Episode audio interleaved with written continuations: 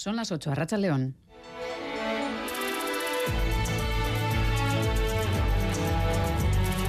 Gambara con Miriam Duque.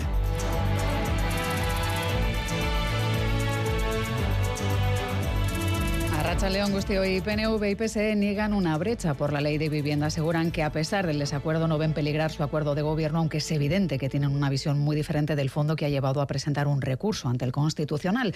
Para el Salian de York estamos ante un asunto estrictamente jurídico, la defensa de competencias. Sin embargo, para el secretario general del PSN, cuando esa parece que algunos estén más por defender a los bancos o a los grandes tenedores que a la ciudadanía.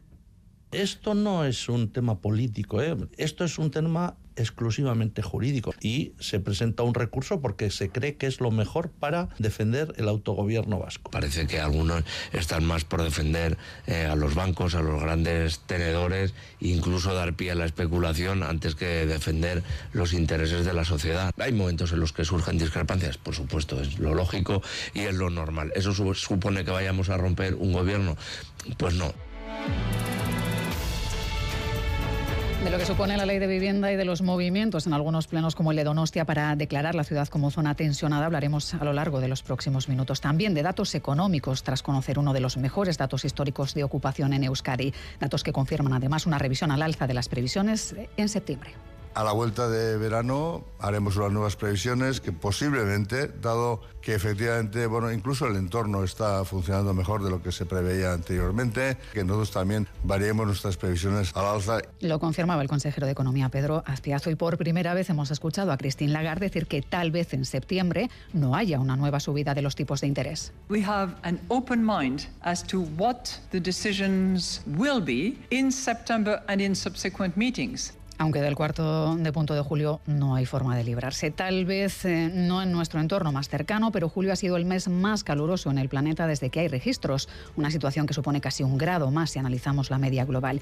Y eso estos días se sufre en muchos lugares del Mediterráneo que arden, en algunos casos como Grecia, por décimo día consecutivo.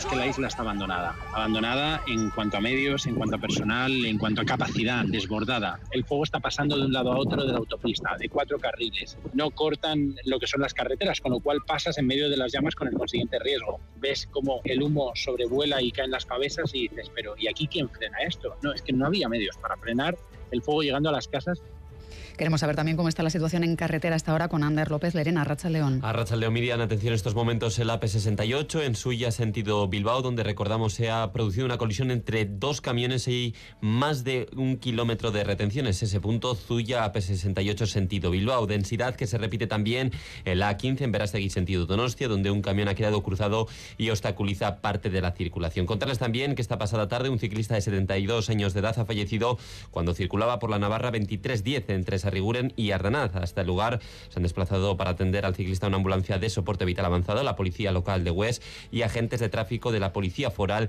que investigan las causas de este suceso. Vemos eh, cómo queda la previsión del tiempo de cara a las próximas horas. Maya Leniza, Racha León. A Rachaldeón, durante la tarde han aparecido abundantes nubes y se están produciendo algunos chubascos tormentosos en Álava. No descartamos que durante las próximas horas se puedan activar más tormentas en el interior, que pueden venir acompañadas de granizo y fuertes rachas de viento, aunque para la noche el ambiente tendrá a estabilizarse. Y mañana esperamos una jornada tranquila. A primeras horas se pueden formar nieblas en los valles del interior, pero pronto se disiparán y el día será soleado, con algunas nubes medias y altas las temperaturas máximas no van a variar.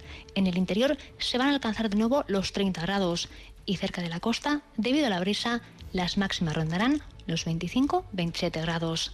Es decir, mañana se mantienen las temperaturas veraniegas y disfrutaremos de un día soleado. Nos asomamos también a los deportes con nuestro compañero Asier Medina, Racha León. Hasta ahora juega el Racing Athletic. ¿Cómo van las cosas? Ponemos ya la mira en la localidad cántabra de Santa María de Cayona. Ya ha comenzado hace aproximadamente una hora ese partido amistoso entre Racing y Athletic. De momento el partido está todavía en el descanso y el marcador que sigue 0 a 0. Geray ha salido del campo en el minuto 39 dolido por un golpe en la espalda y dos minutos después el partido se ha detenido porque los servicios médicos estaban atendiendo a una persona del público. A destacar también la titularidad de Villalibre y la de Imanol García de Albany. Albany. Por lo que atentos a ese partido mientras repasamos lo que ha sido la noticia del día. Hablamos del retiro de Silva porque el jugador canario ha anunciado mediante un vídeo en redes sociales que cuelga las botas. Es que recasco va a ser más deportes a partir de las 8 y cuarto. Un saludo de Miguel Ortiz y Aitor González en la dirección técnica. Comenzamos.